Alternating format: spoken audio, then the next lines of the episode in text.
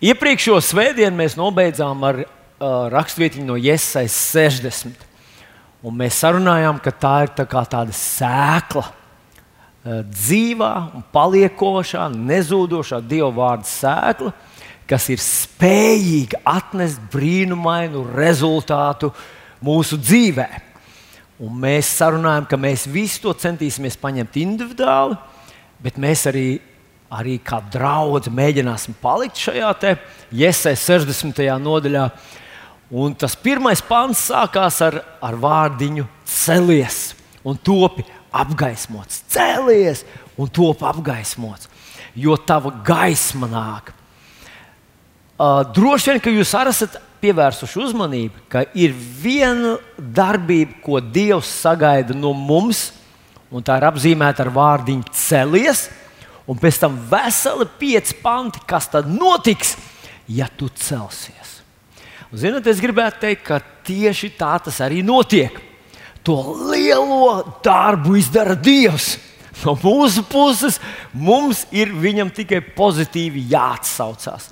Un šajā vārdiņā celies, es gribētu iekļaut visas lietas, vai visas tās darbības un rīcības, kuras mēs varam pozitīvi atbildēt Dievam uz viņu vārdu uz viņa aicinājumu un uz viņa, pavē, uz viņa apsolījumiem. Bet, zinot, ir vēl viens, um, ir vēl viens uh, vārds, ko, manuprāt, pateica Jēzus, un kurš satur to pašu domu, tikai pateicis savādāk. Un šodien, mēneša pirmajā svētdienā, arī tas ļoti adekvāti uh, arī, nu, to pieminēt. Un tā tad um, savas kalpošanas, savas zemes kalpošanas, pirms Jēzus cieta, viņš savāca ar savus mācekļus tādā augšstabā. Tātad nošķīra no visiem citiem. Viņš bija tikai ar saviem mācekļiem. Un tad viņš ņēma pēc vakarēdienas, tad viņš paņēma maizi un paņēma biķeri.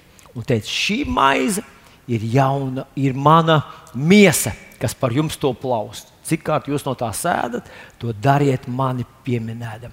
Un tad viņš paņēma arī biķeri un teica, šis biķers ir jaunā derība. Jaunā derība, tā, manuprāt, derība tas ir tā tāds līgumu un noteikumu un nu, notikumu, kas līgumā ir ietverts kopums. Un viņš teica, ēdiet manu maizi un palieciet manā līgumā. Tātad Jēzus to pašu celies, pateica citiem vārdiem. Viņš teica, ēdiet manu maizi un palieciet manā līgumā, vai palieciet manā derībā, vai dzeriet no mana kausa. Nezinu, vai jūs arī esat saskārušies ar to. Pāris reizes man tā ir bijis, kad es tepat blakus tajā tirdzniecības centrā dominu. Esmu aizgājis tur kaut kādas lietas, kaut ko jānopērk kādreiz. Un esmu gājis garām Eh, tur ir tāds maksima, kā jūs zinat, un, un tur priekšā ir vairāk tādu stendi. Un vienā no tiem standiem man vismaz reizes trīs ir gadījies, kad es eju garām. Tad tas, kas tur stāv, kādreiz puisis vai meitene, pēkšņi tādu mazu glāzīti pasniedz man pretī un saka, iedzeriet uh, mūsu tēju. Un man tas vienmēr izraisa tādas nesaprotamas emocijas kas tā pa te, no kurienes tā ir, priekš kam tā ir. Pat ja viņi man to visu izstāstītu, es ļoti apšaubu, ka es dzertu to tēju. Bet, zinot, vienā reizē, un vienā reizē es pajautāju tai, tai darbiniecei, vai tiešām kāds dzer to jūsu tēju, kad jūs pēkšņi dzeriet manu tēju. Kāds no šeit klātesošiem ir iedzēris to tēju un vēl ir dzīves? Ah, ir daži! Jā. Uh, jā. Un viņi uz mani paskatījās tādām acīm, it kā es būtu no Marsa nokritis. Jo parasti visi par, pajautā par brīvu, par brīvu, tad es dzeršu. Un, un ietrenē iekšā to. Bet zinat ko? Manuprāt, vienā tādā reizē es saņēmu atklāsmi, ka visa pasaule, visa, un es šobrīd teikšu, visa demoniskā pasaule, grib tev piedāvāt savu maizi un piedāvāt savu kausu. Nu, vai nav jocīgi, ka šodien cilvēki izveido viltus portālus, kuros publicē viltus ziņas? Viņi zina, ka tie ir pilnīgi meli. Un viņi grib, lai tu lielām acīm satrauktu attieksmi, lasi, kur, kas, kas tur notic, un šūmējies un zvani kādam citam un pārsūta un dalies ar to. Faktiski, ko tad viņi dara? Viņi ņem savu maizi un cenšas to iebarot tev. Bet Jēzus saka mums, lai mēs ēdam viņa maizi, un mēs paliekam viņa derībā vai dzeram no viņa biķera. Un man gribas atgādināt to rakstvietiņu, kas ir Mateja evanģēlijā 4.4. Atkal 4.4. Šodien mums ir daudz četrnieku, bet tas ļoti palīdz atcerēties. Un tur ir rakstīts, ka kārdināšanas laikā, kad Jēzus 40 dienas nebija ēdis, Vēlams viņam saka, ja tu esi Dieva dēls, tad saka, lai šie akmeņi kļūst par maizi. Un tad Jēzus izsaka šos vārdus. Stāv rakstīts, cilvēks nedzīvo no maizes vien. Nu, mēs zinām, maizi vajag cilvēkam, lai viņš dzīvotu. Bet Jēzus runā par kaut kādu lielāku dzīvību. Bet no katra vārda, kas iznāk no Dieva mutes. Cilvēks dzīvo no dieva maizes. Dieva maize ir tā, kas nāk no debesīm, kādā citā vietā, Jēzus saka, un visai pasaulē dod dzīvību. Kas tad ir tā maize, ko Jēzus grib, lai tu ēd no viņa maizes? Tas ir viņa, kā mēs iepriekšējā svētdienā dzirdējām, nezūdošais, mūžīgi paliekošais Dieva vārds. Un es ticu, ka tas ir tas, ko Jēzus mums šodien aicina. Un uh, mēs šodien paskatīsimies uz rezultātiem, uz sekām, kas tad notiks, ja mēs ar tevi, Jēzus mācekļi, ēdīsim no viņa maizes un mēs dzīvosim viņa derībā, vai dzersim no viņa kausa, viņa derības kausa un savu dzīvi vērtēsim, ierēķinot vienmēr iekšā mūsu dzīves formulā, ka es neesmu viens ar saviem izaicinājumiem, es neesmu viens ar savām grūtībām, neesmu viens ar saviem ienaidniekiem. Līdz ar mani ir visas šķēršļu uzveicējs un visi ienaidnieki pieve, pieveicējs Kungs, debesu un zemes radītājs, mans debesu tēvs. Halleluja! Uh, visa šodienas raksturvieta ir faktiski vienā nodaļā, tā ir apstuļu darbu 12. nodaļa. Bet to kvintessence vai tos fiksēs skats mēs varam redzēt 5. pantā, apstuļu darbu 12. nodaļa, 5. pants. Mēs jau redzam divus līmeņus. Tad tas individuālais līmenis, skatoties tieši uz tevi vienu, un skatoties uz mums visiem kopumā, skatoties uz draugu. Un rekā mēs te lasām par vienu no Jēzus mācekļiem. Mēs ar tevi esam mācekļi. Un tur mēs lasām tā, tātad 12,5. Pēters, Pēteri cietumā apsargāja, bet draudzē bez mitēšanās lūdza par viņu dievu. Divas, divi mērogi - Pēteris un draugs. Pēteris un draugs. Un es uzdrošinos apgalvot, ka Pēterī notika dramatiskas pārvērtības, tādas personības pārmaiņas. Un tās notika tāpēc, ka viņš nevis šūmējās par visu, kas pasaulē notika, bet tāpēc, ka viņš ēda no Kristus galda, ēda Dieva vārdu, glabāja to savā sirdī, un viņš bija viens no tiem, kurš atzina, kā mēs lasījām 1. pētera vēstulē, jūs esat atzimuši no, ne no iznīcīgas sēklas, bet no neiznīcīgas, no mūžīgā un paliekamā Dieva vārda. Tātad pirmais, ko mēs paskatāmies, ir personības pārvērtības, un mēs palasīsim mazliet uh, plašāk to fragment, turpat 12. nodaļā, un gribētu lasīt šeit ar 4. pantu. Tāda apstuļu darba 12.4. Te iet runa par Herodu, kurš pavēlēja to saņemt. Ko to Pēteri? Viņš Herods pavēlēja Pēteru saņemt un ielikt cietumā. Nodevis 16 kareiviem, kas pa četriem to sargāja, gribēdams viņu pēc pasāles svētkiem vest ļaužu priekšā. Piektais pāns - Pēteri cietumā apsargāja, bet draudzene bez mitēšanās par viņu lūdza Dievu. Kad Hērods viņu gribēja vest priekšā, tā naktī Pēters gulēja starp diviem kareiviem, divām važām saistīts. Un sargi durvju priekšā sargāja cietumu. Un redz, tā kunga eņģelis piestājās, un gaisma apspīdēja cietumu istabu, un viņš pieskārās Pēters sāniem, vai angļu tulkojumā rakstīts, viņš iebikstīja, iedunkāja Pēteru. Pēters sāniem to modinādams, sacīdams, cēlies ātri augšā. Un važas nokrita no viņa rokām. Eņģelis viņam sacīja, apjozies, apauj kājas. Viņš tā darīja. Un tas turpināja apvelt savas drēbes un seko man. Viņš iznāca tam, sekoja un nezināja, ka notikums ar eņģeli ir īstenība. Bet viņam šķita, ka redz parādību un izgājuši cauri pirmo un otro sardzi, viņi nonāca pie dzelzceļa vārtiem, kas iet uz pilsētu. Tie viņiem paši no sevis atvērās, un izgājuši viņi nostaigāja vienu ielu, un tūdaļ eņģelis pazuda, vai eņģelis no viņa atstājās. Nu, kurš tad šajā, šajā fragmentā, kurš bija tas galvenais pants? Manuprāt, tas ir pants numurs 6 pants numurs 6, kur uzrakstīta pilnīgi, manuprāt, vispār neiespējama situācija. Nu, kas tur rakstīts? Kad Hērods viņu gribēja vest priekšā, nu, kur viņš gribēja vest viņu priekšā?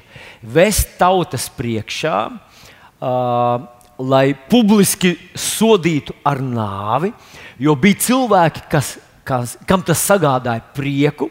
Tātad naktī pirms nāves soda Tanī naktī Pēteris gulēja starp diviem kareiviem, divām važām saistīts, un sargi durvju priekšā sargāja cietumu. Pēteris gulēja. Pēteris gulēja naktī pirms nāves sprieduma izpildīšanas. Nu, man jāsaka tā, ka es, man ir diezgan stabila nervu sistēma. Man aizmigt ir diezgan viegli. Mana sieviete jums to pateiks. Dažreiz, uh, braucot pie stūres, viņa sēž man blakus, un viņa ir no tiem, kas var uh, ilgi negulēt. Un mēs braucam, viņa man prasa, vai tu vēl esi augšā? Nu, jūs saprotat, es sēžu pie stūres vai tu vēl esi augšā? Un tad es saku, jā, es esmu augšā, un tad es kaut kā mēģinu sevi uzturēt. Nu, jūs saprotat, jā. Kaut ko mēs arī darām praktiski, kāda spēle spēlēm, runājamies un tā tālāk. Bet vai jums ir bijis tā, ka jums ir nākošā rītā jālido, un teiksim, 6.30 ir lidmašīna? Un jūs zināt, ka jābūt divas stundas agrāk lidostā, un tie ir tajos vecajos laikos. Tagad jau laikam vajag 15 minūtes ātrāk, bet galvenais, lai tev ir divas maskas līdzi. Nu, tā tad toreiz bija tā, tajos vecajos, senajos laikos. Iedomājieties, kā mēs stāstīsim bērniem, ko, ka mēs braucām šurp un braucām tur, lidojām tur un tā tālāk. Un lidmašīna bija piepakota, nevarēja kājas izstiept. Iespējams, nākamajās lidmašīnās sēdēsim nu, biznesa klasē visi. Nu, labi, tā tad maz liriska atkāpe. Un tā tad tev jābūt divas stundas agrāk, un tad vēl tev vajag stundu, lai aizkļūtu līdz lidostai. Un tas nozīmē, ka tu celies pēc trījiem. Un tu naktī. Un tu tagad uh, ej gulēt vakarā un sev saki. Es ar sevi šādi arī sarunājos. Es tev saku, tev rītā agri jāceļās, tev jāizguļās. Un tu ielien gultā, un tu tagad guli. Gul, Un tu mozies un pagriezies šitā gulēs. Nē, pagriezies tā. Un tu nekādīgi nevari aizmigt. Kāds ir kaut ko tādu piedzīvojis? Wow! Bet iedomājieties, ka tev būtu kaut kāda operācija rīt. Nu, piemēram, kaut kāda pavisam neliela operācija. Tur mm, nu, nu, nezinu, galvaskausa atvēršana, nu, tur kaut kā. Nu, es nezinu, tur tu varētu gulēt. Nu, pieņemsim, tev būtu maz, maza kaut kāda asins apendicīta operācija. Tur atgriežas vaļā, izņemt to mazo zarniņu piedēku, lai aizsien ciet un izmet ārā un, un aizšuciet. Es nezinu, vai es varētu gulēt, jā. bet es padomāju pie sevis. Tā operācija būtu ar domu, lai mani glābtu profesionāli cilvēki, kas ir slīpējuši savus prasmes gadiem, gadiem, gadiem, sanāks kopā un mēģinās man palīdzēt, lai izglābtu man dzīvību. Un es nevaru gulēt, man liekas. Kā tas ir, ka rītā profesionāli, kas slīpējuši gadiem savas prasmes, gribēs tevi nogalināt, un pūlis viņiem uzgavilēs par to. Un te tu gaidi to rītu. Vai tu varētu gulēt?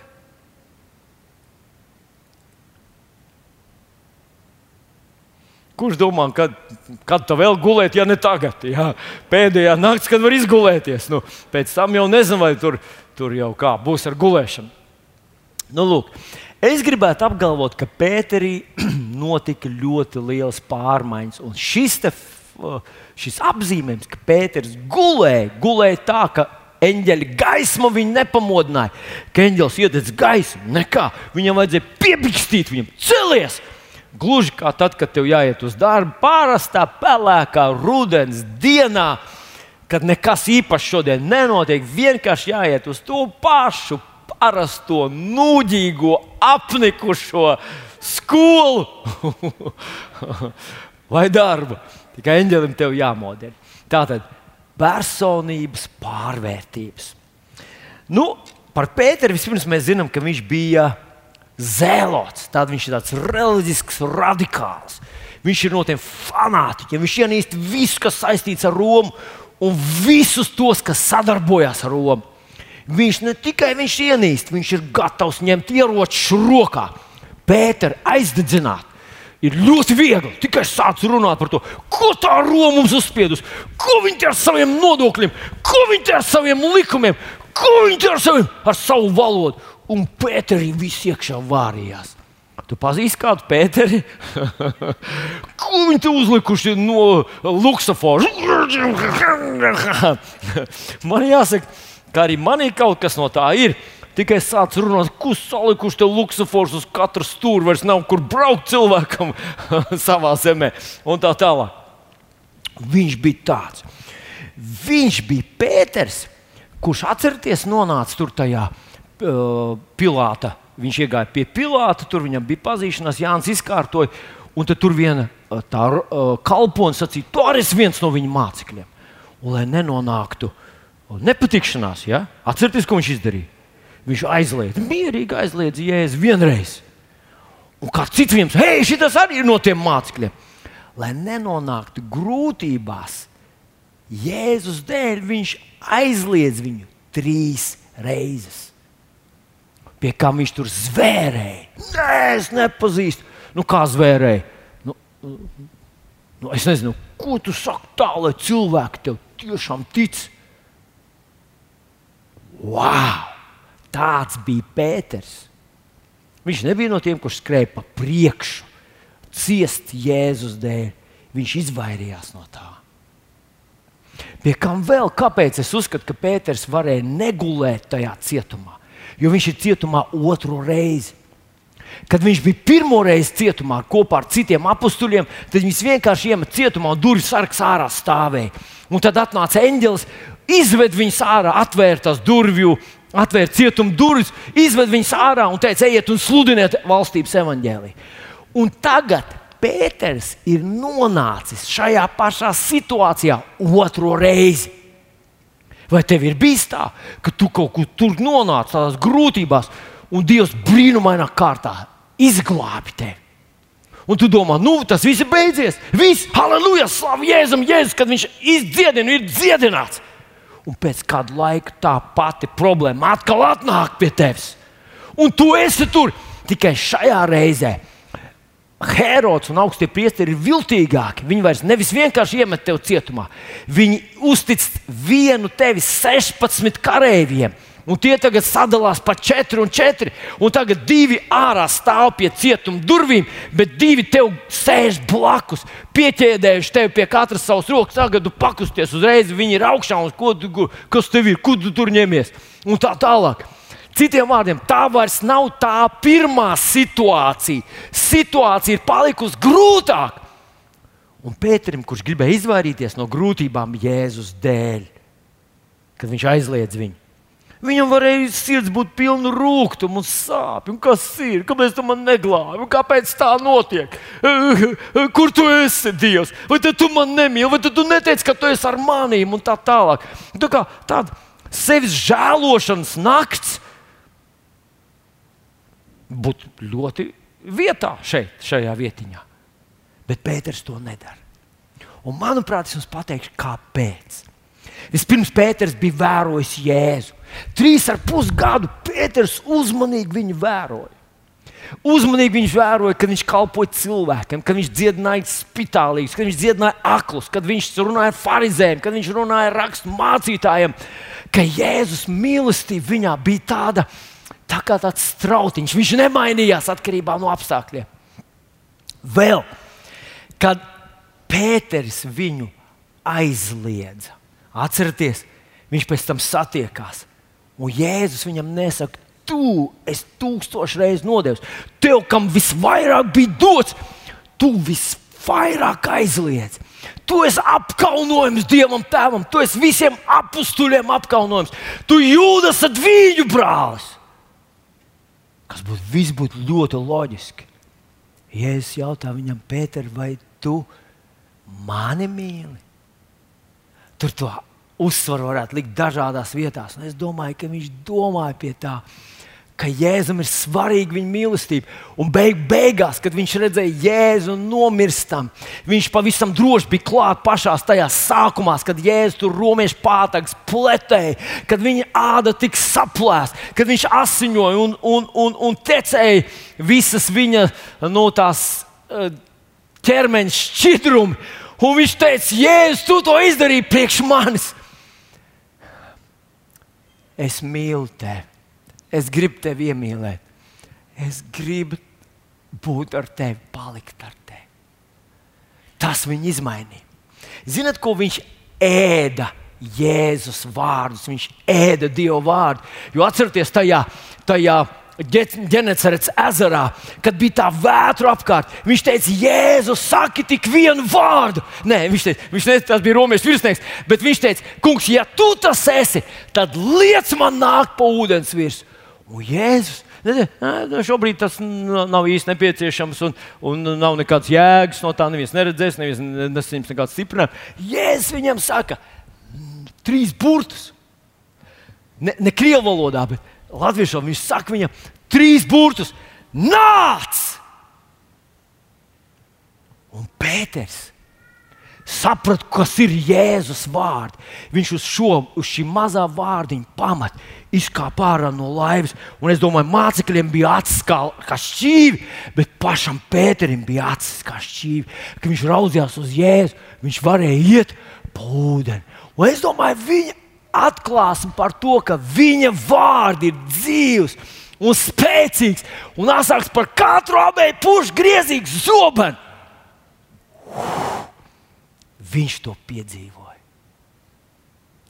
Un respektīvi, pat tad, kad viņš dzirdēja tos pravietojuma vārdus, kurus, ja nemaldos, tas bija Mateja evanģelijā 21. nodaļā, kad Jēzus viņam sacīja, jauns būdams, tu gāji, kur gribēji un darīji, ko gribēji, kad tu būsi vecs, cits tevi jozīs un vedīs tur, kur tu negribi. Un tur tālāk ir paskaidrojums, to viņš runāja par to, kādā nāvē Pēters mirst, asinsliecinieku nāvē. Un, respektīvi, Pēters iespējams tur, tajā cietuma kamerā, starp diviem tiem uh, romiešu karavīriem, pieķēdēts saprata vai domāja, ka šis ir tas ceļš, kas viņam ir jāiet. Un viņš bija tik tālu uzticējies Jēzum, ka viņš teica, pat ja tas esi tu, kura dēļ man jāiet nāvē, es esmu priecīgs atrasties Dieva gribā. Un viņš mierīgi gulēja tur.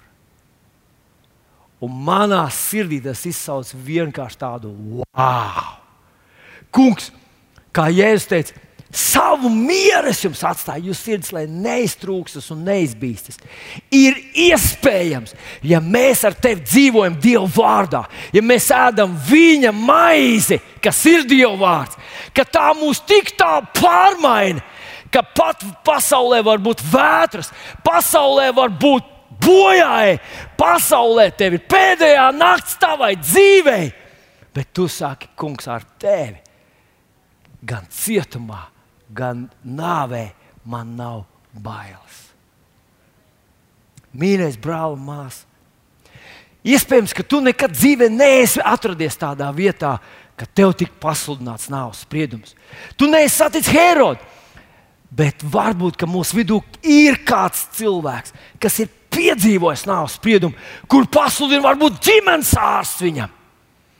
Zini, ko liekas, ka tas ir dabīgi, ka tavs joņo, tavs emocijas turp un atpakaļ. Un tu domā, kā un ko un kāpēc, kāpēc es un kāpēc atkal pie manis. Bet ja tu uzdrošināsies palikt viņa vārdā, ja tu uzdrošināsies uzticēties viņam, ir iespējama tāda situācija, ka tu vienkārši paliec mierīgs, pateicībā, cerībā uz Dievu, zinot, ka tu neesi viens ka Viņš ir ar tevi un ka ticība vienmēr nostrādās Jēzus vārdā. Zinat, ko? Tādas personības pārvērtības notiek individuā, kad viņš ēd Dievu vārdu. Bet kādas notiek draudzē, ja tā sastāv no tādiem cilvēkiem? Tas ir tas nākošais pāns, un gribu nākošo tādu fragment izlasīt turpat no apstuļu darba 12. nodaļas Un es nosaucu to par draudzes ietekmi, ka draudzē ir cilvēki, kas ne tikai dzird, bet arī dzird, ņem vērā un dara to savā dzīvē. Nu, paskatieties, kas te notiek. Es lasu šeit no 12. panta, turpat tajā nodaļā. Tātad Pēters tagad ir izvests ārā no cietuma. Viņš apzinājies to, dodas uz Marijas namu. Tā bija Jāņa, kam pievārds Marks māte. Tur bija daudz sapulcējušies un lūdza Dievu. Viņam pie vārtiem klauvējot, kāda kalpona vārdā Rode nāca klausīties. Un Pēters balss pazinus viņai sprieka, neatvēra, bet steidzās un pavēstīja, ka Pēters stāvot durvju vārtu priekšā. Tie viņai sacīja brīnišķīgus vārdus, kurus sadzirdēt, kad tu atnāc draudzē pasludināt prieka uh, vēsti. Tu esi traka. Halleluja! To man teica mācītājs. Es esmu traka. Bet viņa noteikti apgalvoja, ka tā esot. Tie sacīja, tas ir viņa eņģelis. Pēters joprojām klauvēja, viņa atvēra un atvērus to redzēdami izbijās. Mīļie draugi, ja mēs paskatītos uzmanīgi, mēs konstatētu uh, uh, to, ko vēsturnieki apgalvo, ka tajā laikā apstults Pāvils un Barnaba, viņa ceļojuma biedrs, bija tur. Un ļoti iespējams, viņi bija radinieki.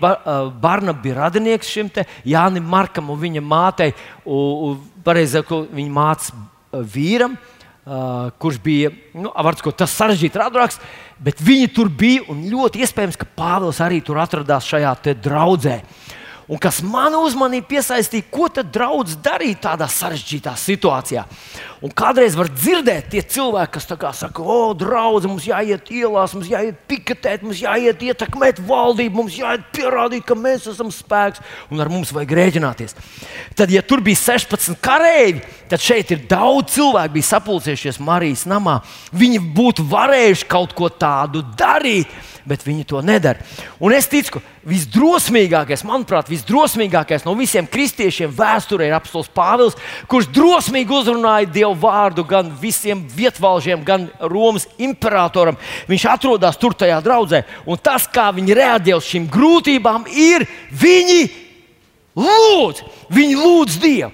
Un interesanti, ka manuprāt, no visas šīs situācijas mēs konstatējam, ka viņi nelūdz, kungs, izved Pēteru ārā, izved Pēteru ārā, izved Pēteru ārā, lūdzu, izved Pēteru ārā.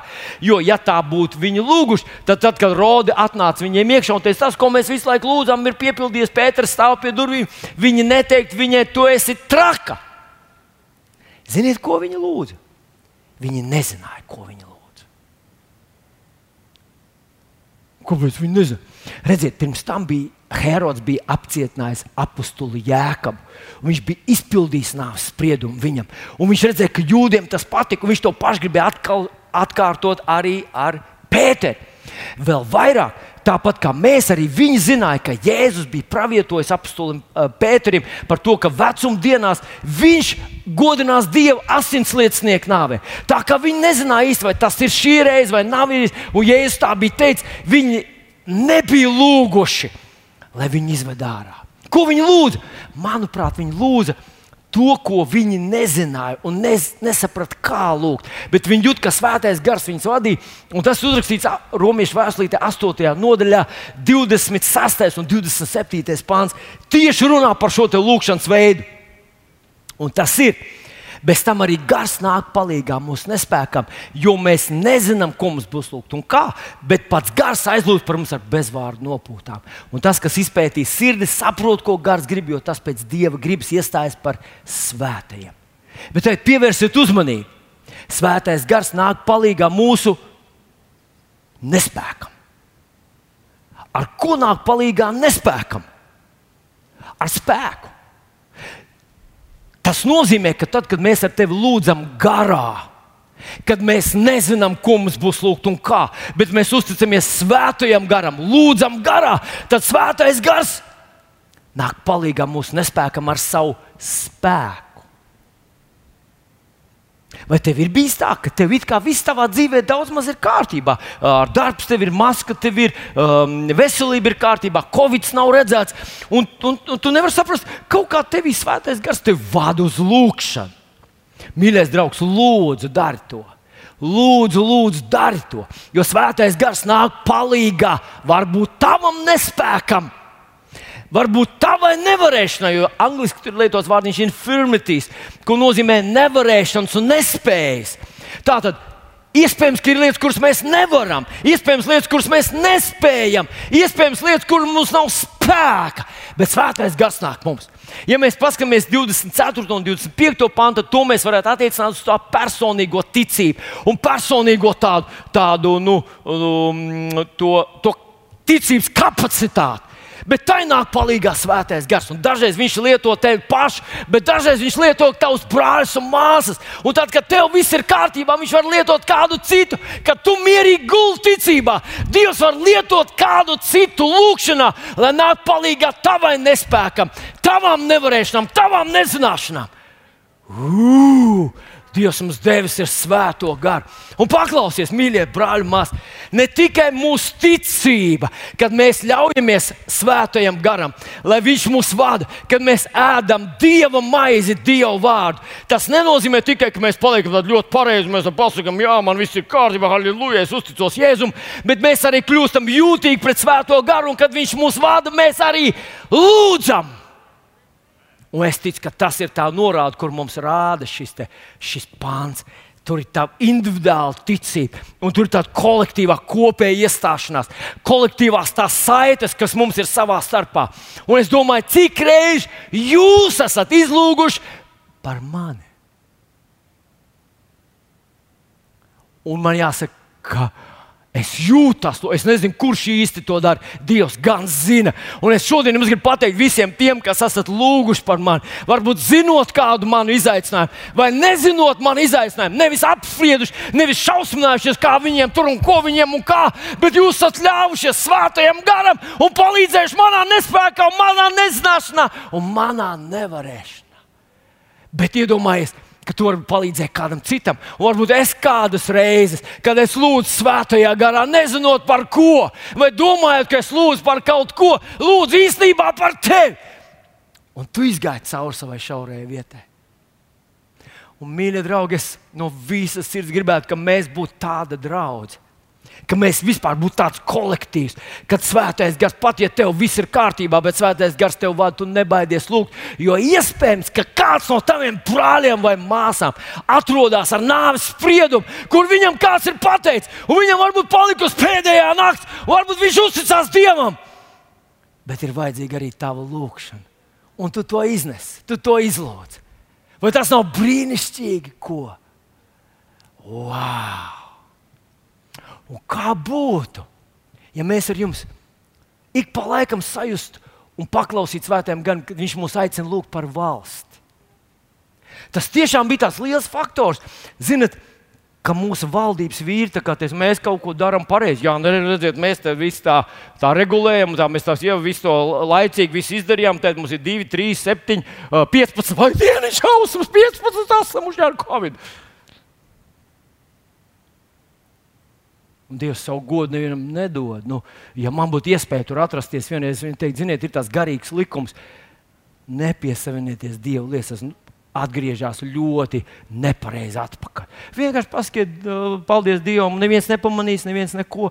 Jūs būsiet izpildījuši, izvairījušies no tā, ka šis likums strādā pret jums. Bet mēs ar tevi lūgam par savu zemi. Kungs, halleluja, un ļauj to svētajam garam, tai lūkšanai, kur mēs nespējam saprast. Jo lūkšanas spēks nav tajā, ka mēs atkārtosim vēlreiz tos vārdus, kurus pateicām vakar, bet ka mēs ļaujam svētajam garam, un viņš kurš nāk palīdzīgā mums nespēja, ka viņš mums palīdz. Halleluja! Brāļi un māsas! Es gribētu no, nobeigt savu vārdu ar lūkšanu. Man uznāks vēl divi uh, kalpotāji, palīdzēs mums lūgt. Un es gribētu, ka tu pievienojies tam ar tādu patiesu ticību un sirdi, ticot, ka tava un mana lūkšana, ka tā kompensēt to, ko mēs nevaram, un nezinām, un nesaprotam, un mūsu nespējam, un to, ko mēs nespējam, nevaram izdarīt. Svētais gars to izdara. Bet es gribētu arī, lai šodien tu paņem līdzi kā tādu principu, arī tad, kad mēs baudīsim vakarēdienu, tā kunga iestādījumu. Tam varētu būt daudz nozīmes, un bez šaubām tur ir daudz dažādu uzskatu. Cilvēki katrs kaut ko saskata vakarēdienā. Bet šodien mēs gribētos, ka tu atceries, ka šodien Jēzus tev saka, lūdzu, ēd manu maizīti, manu maizi. Tā dos dzīvību tev. Tā dos dzīvību tev grūtos brīžos. Tad, kad maizes nebūs, tev būs spēks. Tad, kad nebūs izskaidrojumu, nebūs durvju, nebūs palīdzības, nebūs nevienas atbildes. Mans vārds tev dos spēku, un tu paliec viņa derībā. Un tad Gluži kā Iesai 54, 10, gan kalni atkāpsies, gan pakaļ sakusties. Mēs ar jums, mēs ar jums, jaunieši, mani vecuma jaunieši, mēs ar jums to piedzīvosim, ka būs zīmes pie saules un debesis, un mēs aigāsim pa ielu. Nevis, bet mēs teiksim, aleluja, nāk tā kunga diena, un nebaidies liecināt cilvēkiem. Saki, tās ir pazīmes! Lūdzu, nepārstāj liecināt, lūdzu, nepārstāj liecināt. Jo es ticu, ka arī tajās grūtajās dienās, kas stāv priekšā pasaulē, es nezinu, vai mēs te būsim vai nebūsim, bet cilvēkiem būs iespēja piesaukt tā kunga vārdu un glābties. Tāpēc viņam kādam tas jāpasaka. Lūdzu, ēd viņa maizi un dzer no viņa kausa.